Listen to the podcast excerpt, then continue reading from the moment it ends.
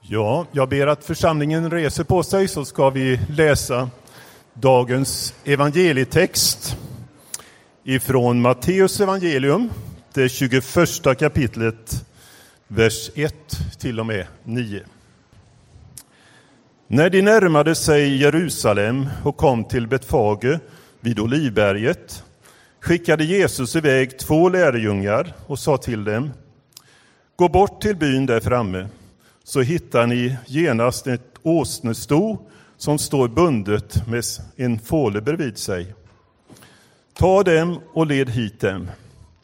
Om någon säger något ska ni svara Herren behöver dem, men han ska strax skicka tillbaka dem. Detta hände för att det som sagts genom profeten skulle uppfyllas. Säg till dotter Sion, se din konung kommer till dig, ödmjuk och ridande på en åsna och på ett föl, ett lastdjurs föl. Lärjungarna gick bort och gjorde så som Jesus hade sagt åt dem. De hämtade åsnan och fölet och lade sina mantlar på dem, och han satt upp. Många i folkmassan bredde ut sina mantlar på vägen. Andra skar kvistar från träden och strödde dem på vägen. Och folket, både de som gick före och de som följde efter, ropade Hosianna, Davids son, välsignad är han som kommer i Herrens namn. Hosianna i höjden. Så lyder det heliga evangeliet. Lovad var du,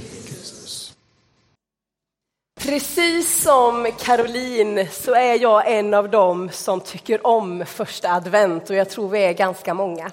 Jag gillar sångerna, även om min röst just i år gör att jag inte riktigt kan vara med och sjunga, men jag lyssnar på er andra.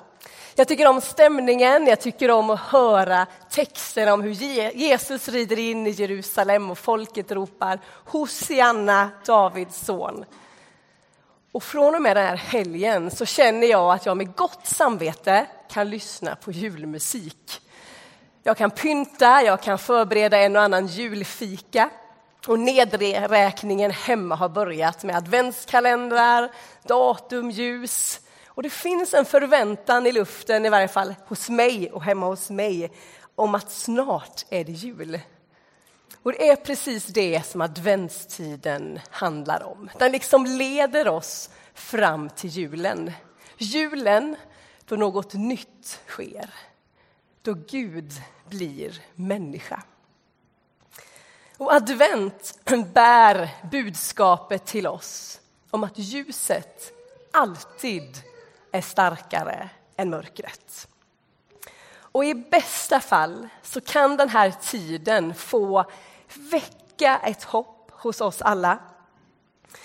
Väcka det om att Gud gör någonting nytt. Inte bara då, för typ 2000 år sedan, utan även idag, just nu, i ditt och mitt liv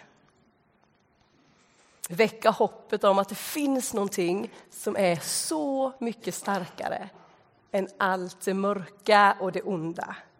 Att det finns ett annat sätt att göra saker på. Att det finns en annan väg att gå. Fredens väg. Då, när Jesus red in i Jerusalem, då var det fullt med folk i Jerusalem. De var där för de skulle fira sin påskhögtid. Och jag kan tänka mig att stämningen var ganska så mätt mättad på ett sätt, glädjefylld. Det var folk överallt, förväntan låg i luften och man hade hört dessutom om den här Jesus. Och förväntan var, kan det vara han som Gud har lovat ska komma och befria oss? Förväntan, längtan, hopp så kommer han där inridandes på en åsna och människor lyfter upp palmblad, de tar sina mantlar och de ropar Hosianna, Davids son. Och idag får vi stämma in i glädjen, förväntan över det Gud gör och ska göra. Och också stämma in i ropet Hosianna, Davids son som betyder Rädda oss, Gud, vi ber. Rädda oss, grip in i det som är mörkt. När vi ser på vår värld, allt det som är konflikt, klimathot, sår och skav människor emellan. Rädda oss, Gud, vi ber. Och Det kan också få bli ditt personliga rop. Rädda mig, Gud, jag ber. Rädda mig från det i mitt liv som inte är som jag hade önskat mig. Julens berättelse är på många sätt lite oväntad.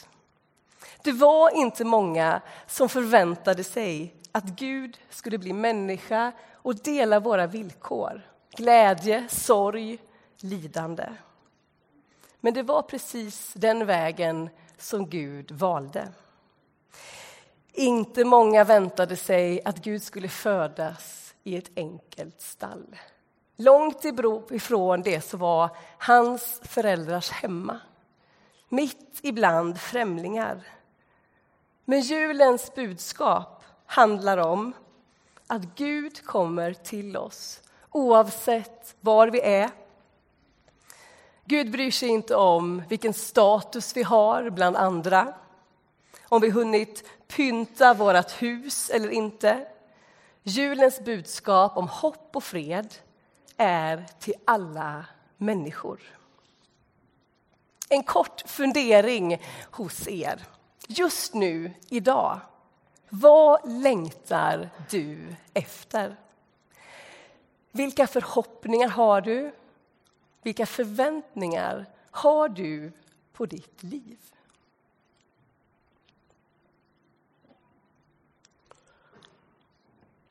Förväntningar de kan vara lite luriga. För det blir ganska så sällan ens exakt så som vi har förväntat oss. Det kan vara så att när det blir jul så kanske du inte får exakt den julklappen som du hade hoppats så på. Eller din favoriträtt på julbordet, av någon anledning så blev det inte så att den blev klar. Det kanske inte blir jul på julafton. Eller Gud visar sig inte på det sättet som du hade förväntat dig. Ursäkta.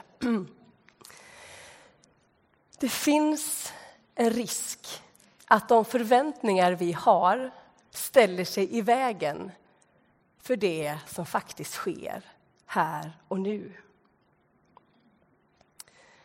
Gud kommer ganska så ofta från ett annat håll på ett annat sätt än vad du har förväntat dig.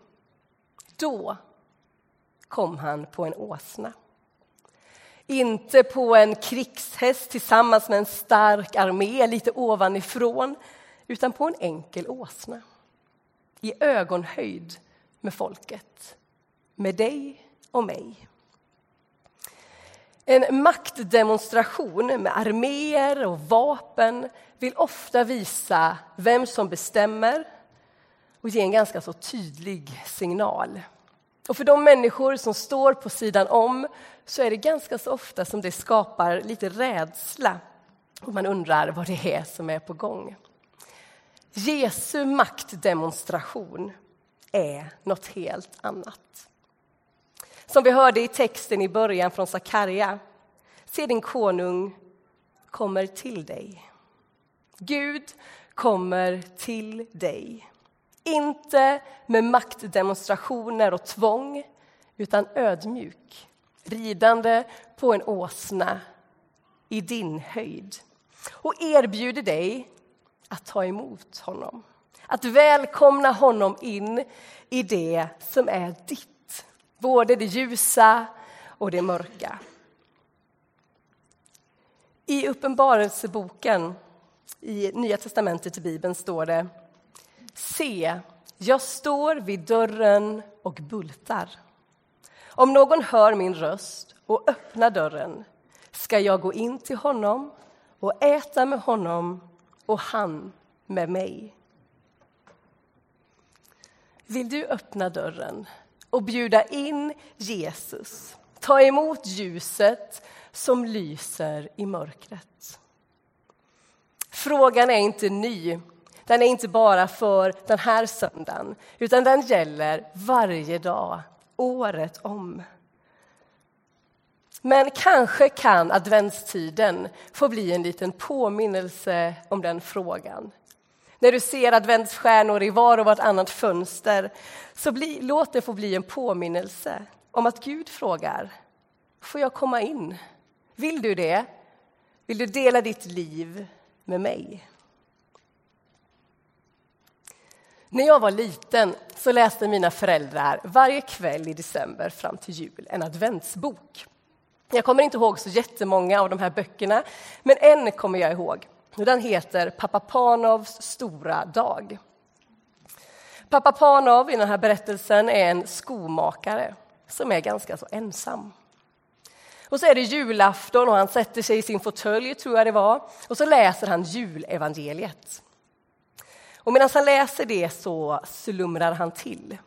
Och då hör han en röst som säger att Jesus kommer att besöka dig idag.